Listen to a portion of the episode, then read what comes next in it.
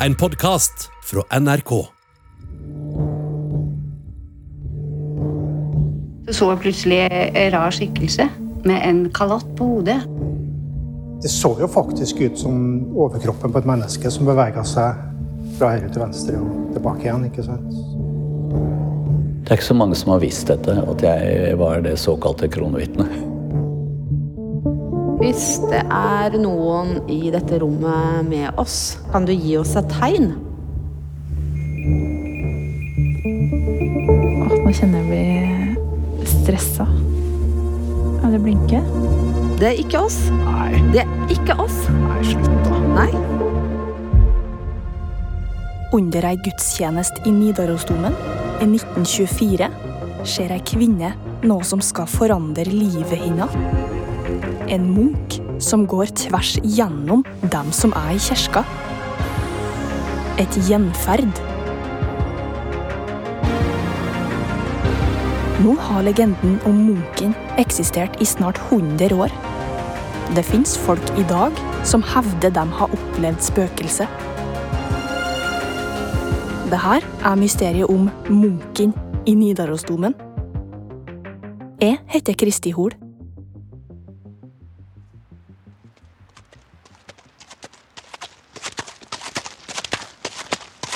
Det er januar 1924, og det snør.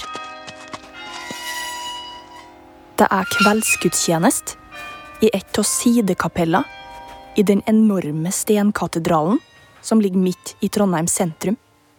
Nidarosdomen. Bispinne Marie Gleditsch, som er gift med biskopen, sitter pent kledd på en av de fremste stolradene. Hun følger med på de to prestene som er oppe ved alteret.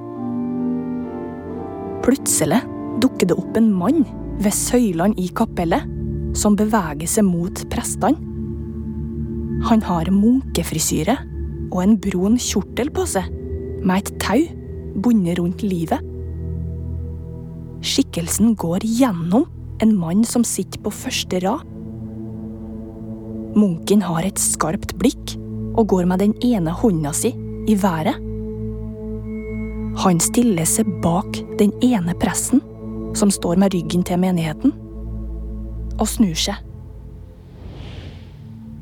Bispinna ser at han har en blodig stripe på harsen. Like etterpå er han borte. Presten som sto ved alteret, skal i ettertid ha sagt at han fikk pusteproblem mens han sto og sang, og at han følte seg kvalt. Men det er ingen andre i Nidarosdomen som har fått med seg dette opptrinnet. Marie Gleditsch forteller historien sin i Aftenposten i 1930. Seks og et halvt år etter hendelser i kirka. Siden har fortellinga spredd seg i mange ulike versjoner, og den lever i beste velgående den dag i dag. Hallo? Hei. Er det det jeg skal treffe? Hei, så fint. Det her er reporter Kjersti Anderdal Bakken. Hun skal hjelpe oss å finne ut mer om det her mysteriet. Du, nå skal vi inn i domen. Er du, blir du nervøs av det? Nei. Nei. Det er gode busser, jeg og munken. Det går helt fint. Du har vært her før? Ja, flere ganger. Jeg var til og med gift her, men eh, det betyr ikke at det funka å gifte seg her, da. Dirigenten med det lange, sølvgrå håret som Kjersti har med seg inn i kirka, heter Berit Hellberg. På 80-tallet skal hun og koret hennes synge på en konsert i Domen. Og det som skjer der, tåles det fortsatt om 40 år senere. Her hadde du tre rekker med korstoler. Og der skulle vi sitte under gudstjenesten, og når det var vår tur til å synge, så reiste vi oss bare opp, og så sang vi. Så det var sånn, ja, her er området. Jeg satt på den bakerste rekka. Og så hadde jeg ved siden av meg eh, samme stemme, og vi satt jo og bladde begge to. Og plutselig så gisper hun og retter ryggen, og jeg gjør det samme samtidig. Og hun kikker på meg, jeg kikker på hun. Kjente jo du oss, ja? Ja, sier. Og så kikker jeg på armene hennes, og det var det samme til meg. Ikke den sida, men bare den som var mot hun. Fullstendig gåsehud. For da hadde jeg hele den reaksjonen, den fysiske reaksjonen på høyre side, og hun hadde likt på min side. Så det jeg liksom, fleipa litt med at Mungen sto bak oss og kikka for å se hva vi skulle synge. Men så du han? Fikk du noe inntrykk av hvordan han så ut? Nei. Nei. Men du kjente at det var Du følte at det var Munken, eller kunne det vært en annen skapning? Det kan jo selvfølgelig ha vært en annen igjen, men det første du tenker når du sitter i Nidarosdomen og du har de eh, historiene fra før, det er å, munken.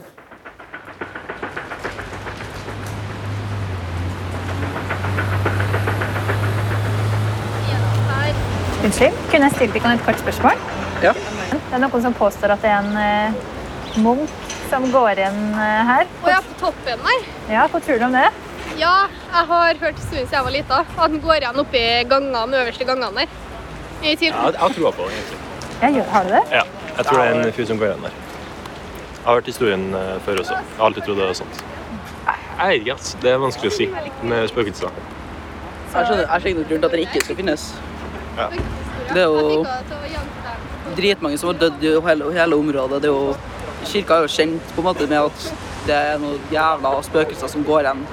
Så jeg ser ikke noen grunn til at det ikke skal gå igjen en munk her, munk her liksom.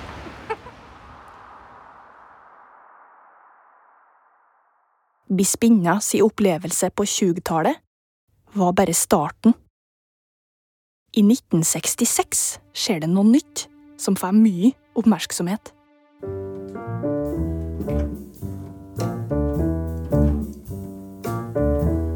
En professor som heter Jon Medbø, underviser ved Universitetet i Oslo. I kulturhistorie. Han tar med seg en gruppe elever, så de kan oppleve domen midt på natta. Der skjer det noe. Og det ene var at en ung arkeologstudent og jeg selv fra Bakre galleri hørte trestemmig korsang som jeg som musikkhistoriker kunne datere til 1280. Perotin, Paris. Notre-Dame-skolen. To netter etterpå var det vi eh, eh, fra eh, Triforiehøyden hørte skritt. Vi har intet sett, vi har kun hørt. Det her setter fullstendig fyr på den offentlige debatten. En kan jo bare se for seg hva folk tenker om at en vel utdanna mann kommer med slike utspill på 60-tallet. Han får motstand så det holder, annet fra en kjent psykolog. Det dreier seg altså ikke om objektive hørselsinntrykk, men om det som vi vil kalle hørselsillusjoner. Min professor går i forsvar. Han var jo der for å se på arkitektur, ikke for å lete etter spøkelser. Ingen forventning. Riktignok må jeg innrømme at jeg har hørt om dette tilfellet med fru Gleditsch. Men altså, det spilte meg ingen rolle. Ingen rolle. Folk som har peiling på lyd, mener at det som hørtes ut som sang, kan ha vært støy fra bygget og rørsystemet i domen. Det er mange teorier. Det blir så mye styr at sjefene i Nidarosdomen gir Medbø besøksforbud på nattestid. De legger lokk på saka og vil ikke gi det her noe mer oppmerksomhet.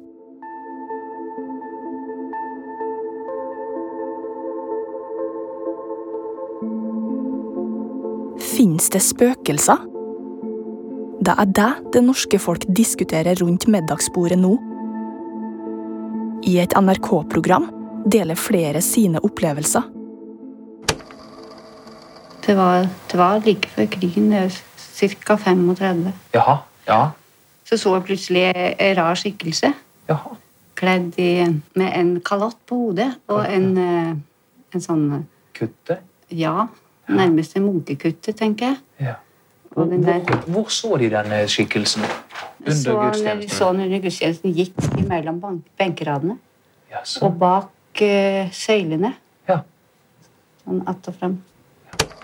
Han var sort og iført eh, et eh, som et reip rundt livet. En slags kutte, altså? Eh, ja, og en eh, sort, høy hatt. Ja. Og ei bok under venstre arm. Ja. Hvor stor var denne boken, da? Middels. Jeg gikk da tilbake til benkeraden og satte meg der. Så så jeg attemunken, da med et tau i hånden. Samtidig fikk jeg en veldig kvelingsfornemmelse, akkurat som jeg skulle være strupa av et tau. Det var så vidt at jeg klarte å puste. Vitnene du hører her, står fram i ei tid da munken er et hett tema. Men kan en tru på det de sier? Akkurat her har professor Medbø en fordel. Historia hans er mer troverdig fordi de var to som opplevde det i lag. Han har et kronvitne. En ung arkeologstudent og jeg selv. Men hvem er egentlig denne arkeologistudenten?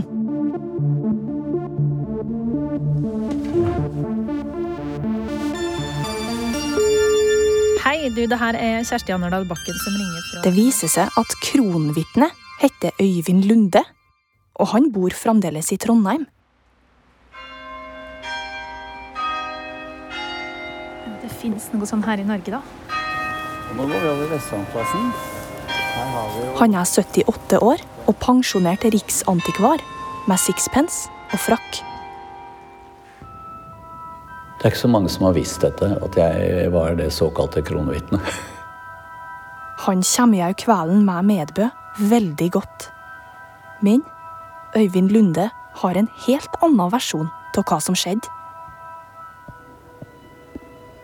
I 1966 jobber den 22 år gamle arkeologistudenten i Nidarosdomen. En lørdagskveld drar han innom for å låse igjen ei dør, som han mistenker at står åpen. Det er da han plutselig blir innblanda som kronvitne i et spøkelsesmysterium. For når han kommer til domen like før midnatt, oppdager han at det er folk der. Annet Medbø. Hva var det de holdt på med her inne, da? Ja, De hadde nok kommet fra en fin fest, for de var i fin form, for å si det mildt. Og det gjorde at jeg hadde ikke lyst til å gå fra dem, fordi de var veldig nysgjerrige på å gå på mange rare steder, og de kunne komme inn på steder de ikke skulle være. Lunde føler at det er hans ansvar å få dem ut. Men før han rekker det, tar professoren han i arma og tar han med seg opp til orgelgalleriet. Ganske langt bort fra de andre.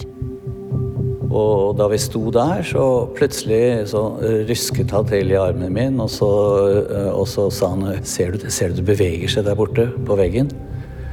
Ja, og da sa jeg ja til det, rett og slett fordi når stearinlysene blafrer, så blir det lange bevegelser i kirken. Det har jeg sett så mange eksempler på, så jeg var jo enig i at det beveget seg. Men etter en stund da, så sa han enda mer dramatisk til meg Hører du korsangen? Og da ble jeg litt stilt, for jeg hørte ikke noe korsang. Men jeg tenkte litt etter, fordi jeg hørte jo de andre snakket i den andre enden av kirken.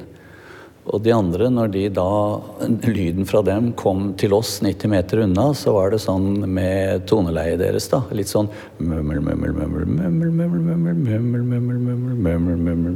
Ikke sant? Nå kunne jeg tatt en melodi, kanskje, men iallfall Det kunne jo være korsang, så jeg var hjertens enig i at det hørtes jo ut som korsang. Han sa jo Jeg sa ikke at det var, jeg sa det hørtes ut som korsang. Han fikk ikke med seg den nyansen, tror jeg. Min medbø er så gira på det han tror han har hørt. De neste dagene får han med seg masse studenter og journalister inn i kirka for å lete mer. Og han bruker som argument at han jo har et vitne til med seg. Men var det ikke sånn at vennene dine spurte om denne munkesangen? Visst, visst. Jeg vil jo ikke fortelle at de kom fra et lystig selskap og sånt, disse her, og utlevere folk på den måten, men nå så lang tid etter kan man jo godt si det. I dagene som kommer, skriver de stæste avisene i Norge om saka. Da, da ble jeg litt stressa. Og det var ganske heftig. Og da ble jeg innkalt til eh, domkirkearkitekt Thies og spurt hva i hule er det du driver med. Arkeologistudenten forteller ledelsen akkurat hva som skjedde. At han måtte få gjengen ut. Året etter dør Medbø.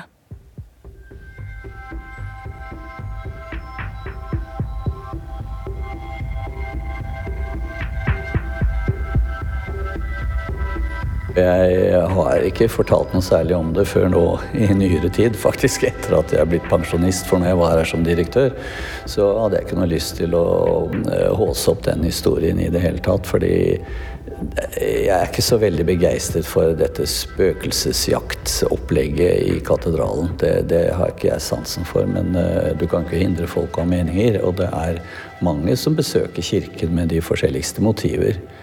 Og eh, det vet jeg. Rommet gjør noe med folk.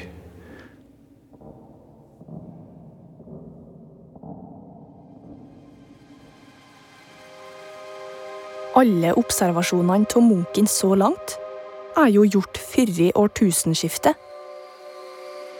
Han viser seg ikke noe ofte, han her. Er det mulig å finne nye spor i den tusen år gamle stenkirka? Langs alle søylene og buene er det noe som bryter med det gamle. Det henger overvåkningsutstyr over hele domen.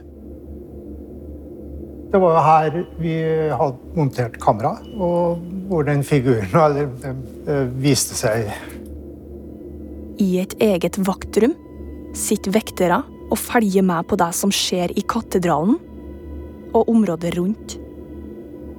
Trond Hårberg og flere kollegaer har sett noe helt spesielt på skjermene mens de har vært på jobb.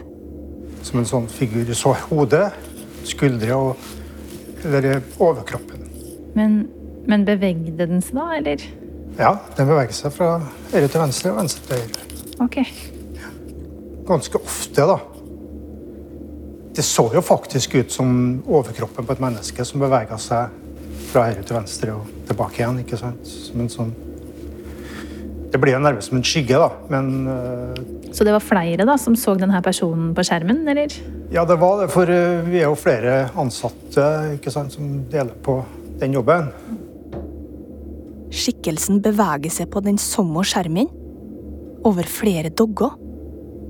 Det går uker og måneder. Ja, en par stykker til da. Jeg se det, da. Ok, For det ble liksom en sånn greie? Kom, kom og se på spøkelset, liksom? Ja, litt diskré og sånn, så gikk det jo greit, det, da. Og, og en par av dem da ble jo Da ville jeg ikke opp i andre etasjen, rett og slett. Følte, seg, følte at det der var skummelt. Kan du skjønne det? Ja, det er ikke så rart. Det, det, det så litt uh, creepy ut, ja.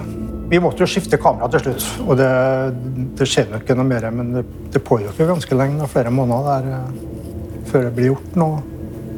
For det var jo ikke noe Det funka jo, kameraet funka jo ellers, ikke sant, så det var jo bare den som dukka opp. Og... Men det er jo flere ting mellom himmel og jord, så det er jo litt artig å velge å tro at det Yes, da Det var noen der.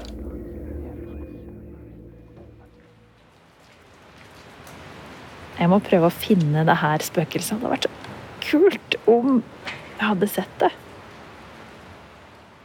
Hvordan vet en at Munken er der akkurat når oss vil lete? Og hvordan går en fram? Hallo?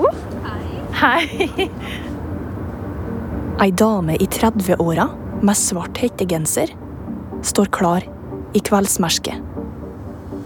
Hun bruker fritida si på å lete etter gjenferd. Er det liksom eh, Ghost eh, Hunters våte drøm?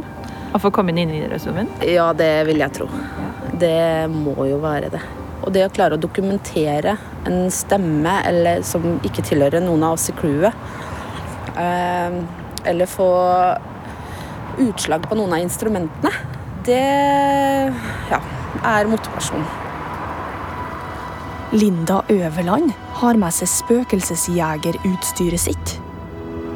Instrumentene er ikke anerkjent av vitenskapsmiljøet. Men hun er ikke redd for å bruke utradisjonelle verktøy for å få svar på om det er noe overnaturlig i kirka.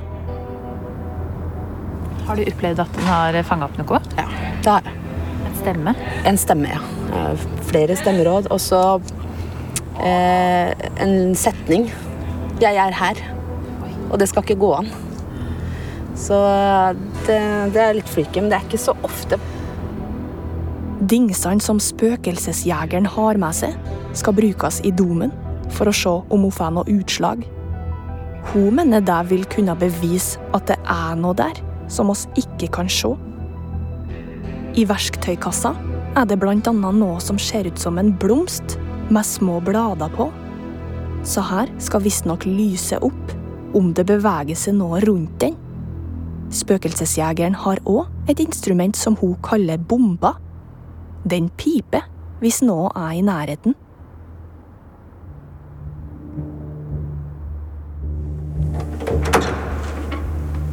Oi.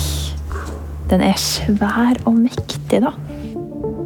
Det er like før midnatt, og de har katedralen helt for seg sjøl.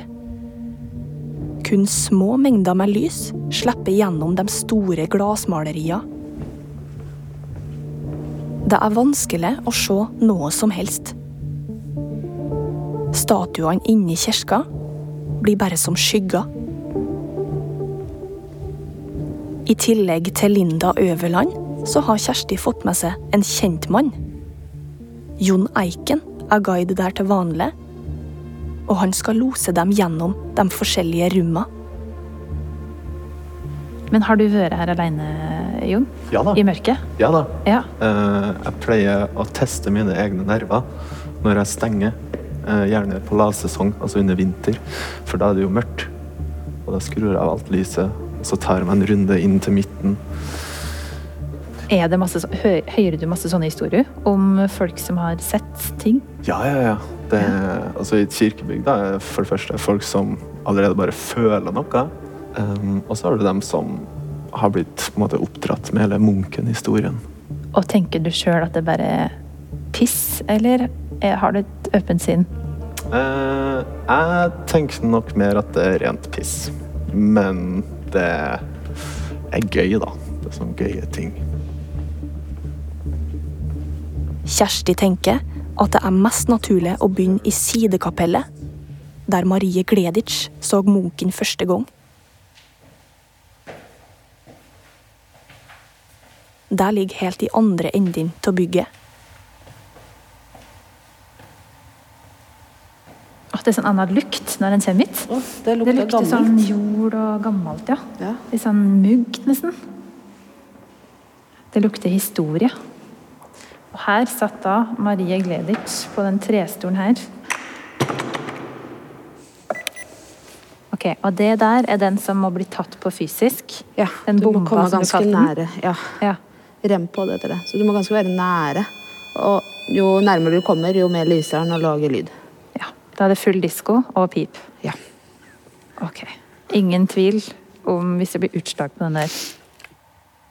Spøkelsesjegeren plasserer det hun kaller bomba, på stengulvet og stiller seg noen meter unna.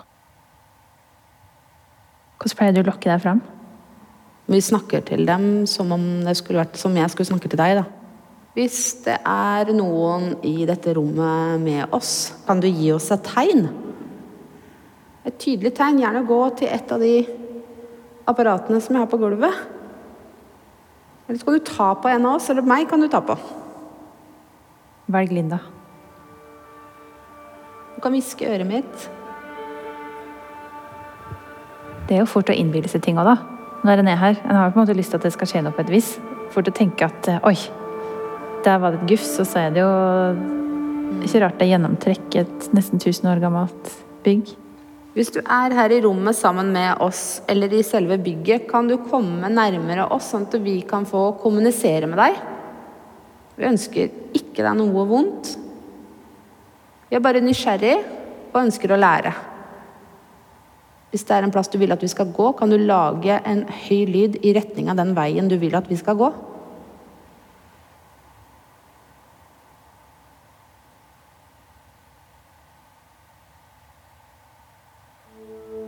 Det kommer ingen utslag. Minn meg en lokal guide som hjelper, er det ikke vanskelig å finne alternative leteområder i den over 100 meter lange kirka.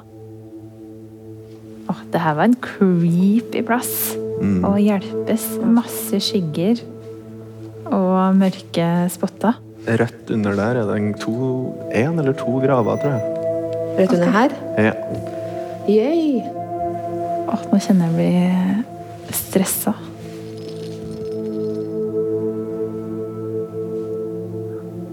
Apparatene dine inn i en sånn gravkammer her, Linda? Mm. Oppå noen døde folk. Det skulle vel være et bra grunnlag for å få noe utslag, kanskje? Jeg tenker jeg har lyst til å lage litt bråk, jeg. Men uh... Linda Øverland tar opp et nytt instrument som skal ha en helt spesiell funksjon. Hun forklarer at hvis et spøkelse vil si noe til dem, kan den gjøre det gjennom radiofrekvenser.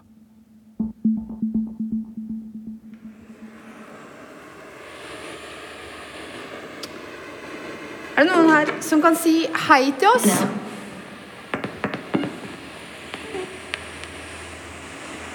Er det greit at vi er her i kveld? Eller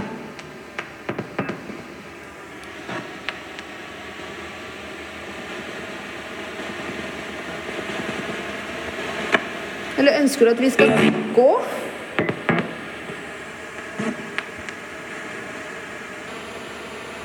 Lydene du hører nå, er dessverre ikke munken, men små lyddrypp fra radiokanalene. Kan du si tydelig hei? Eller hallo?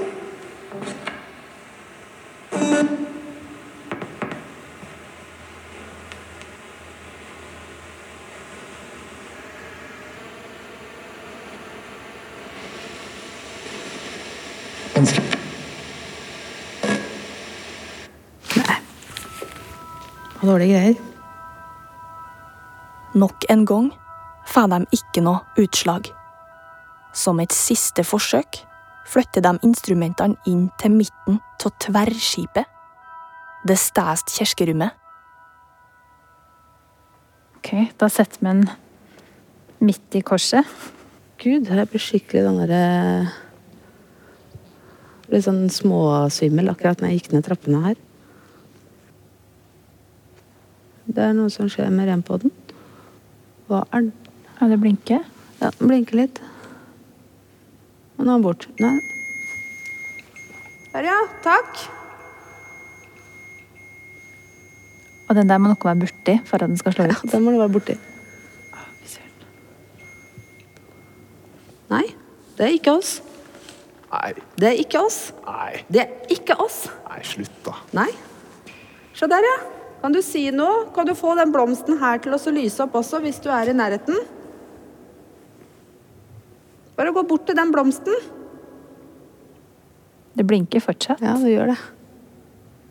Og den der klarer ikke å slå ut på egen hånd. Det skal ikke gå an. Du må være borti energi Du må være, komme ganske nære. Ja, for nå prøver du. Ja. Men det var en helt annen tone. Når du sparker borti, så pip det. Kan du få den til å pipe en gang til? Oi. Ja. Ja, akkurat nå sa det.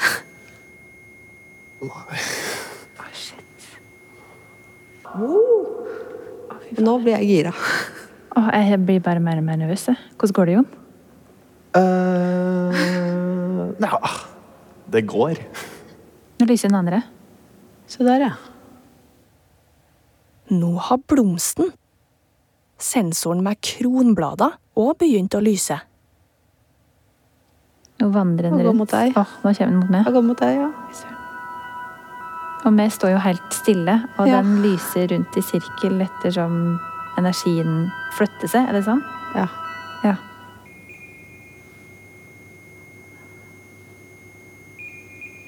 Oi. Pipen ute det lyset? ja. Det er sånn som den terger oss. At den terger Litt oss? Sånn der, som, du får en følelse at de lusker Ja.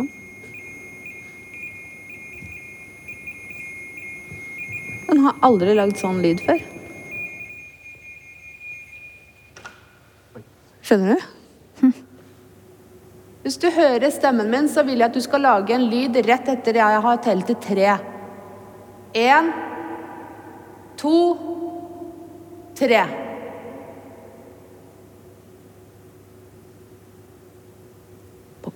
Gjør som den vil, det spøkelset der. Ja. ja. Eksperimentet er over. Oss kan ikke slå fast om utslagene på instrumenter skyldtes spøkelser, eller om det har en naturlig forklaring.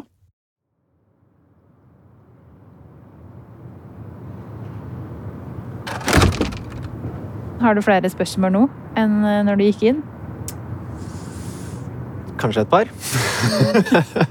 Kanskje et par. Nei, men jeg tror ikke jeg kommer til å Jeg tror jeg blir bare mer fascinert av bygget. Så hvor mange tusen skulle du hatt for å gått inn den døra der alene nå? Inna til kyrkja? Det har nok blitt en god del tusen, ja. Veldig mange tusen. Det hadde jeg ikke gjort. Absolutt ikke. Mm. Det har lyst og pipi. Hvordan eh, er du fornøyd med resultatet, Linda? Jeg er veldig fornøyd.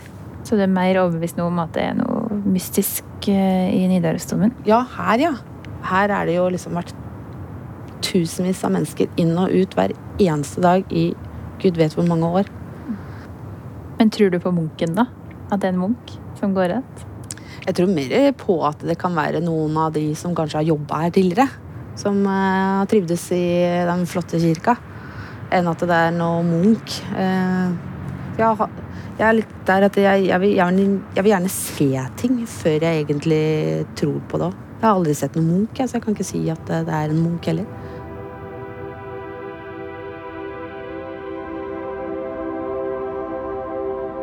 Da professor Medbø ville finne spøkelser i domen på 60-tallet, stengte kirka døra og ville ikke tåle noe mer om saka. I dag virker de mer åpne for at folk har forskjellige oppfatninger og opplevelser. Bare hør på biskopen, Herborg Finseth. Hele eh, eh, kjerna i, i, i den kristne tro er at noen sto opp fra ei grav. ikke sant? Så, så vi skal kanskje ikke skal kanskje være litt rause med dem som eh, opplever ting som ikke kan forklares òg, da. For det er jo mange ting i den kristne tro som ikke kan forklares, men som må oppleves.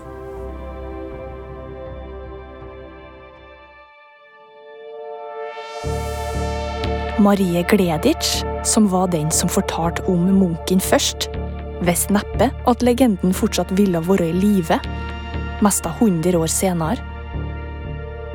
Tidene har forandra seg, men nå er likt. Det vil alltid være noen som tror på han, og det vil alltid være en god del som mener at det bare er tull. Uansett hvem som har rett, så er nok ikke det her den siste gangen oss hører om munken i Nidarosdomen.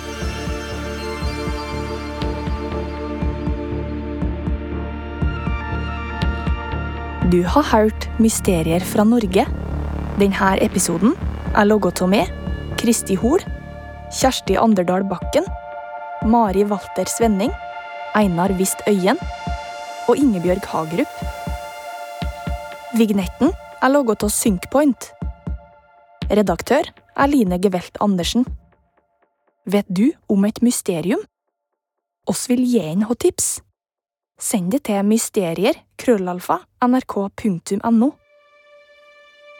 I neste episode Så tok hun opp kappa da, og viste frem magen sin, og den var åpen. Høsten 1981 terroriseres Kristiansund av byheksa. Hun var råtten i ansiktet, for redd, og det kom bare sånn surklelyder ut av henne. Den avskyelige skikkelsen skremmer livsskiten av folk i byen. Så forsvinner hun brått. En podkast fra NRK. Det ligger en eh, livløs jente på gulvet her. Hør nye episoder med mørke fortellinger. Du redda meg. tusen takk. Det er jeg som er han helten. Hva sa du nå? Hva skjer når ytre press tvinger frem våre indre demoner? Du trenger ikke å være redd for meg. Jeg er ikke redd for deg! Du er en taper! Og alle andre syns det hei! Mørke fortellinger hører du først i appen NRK Radio.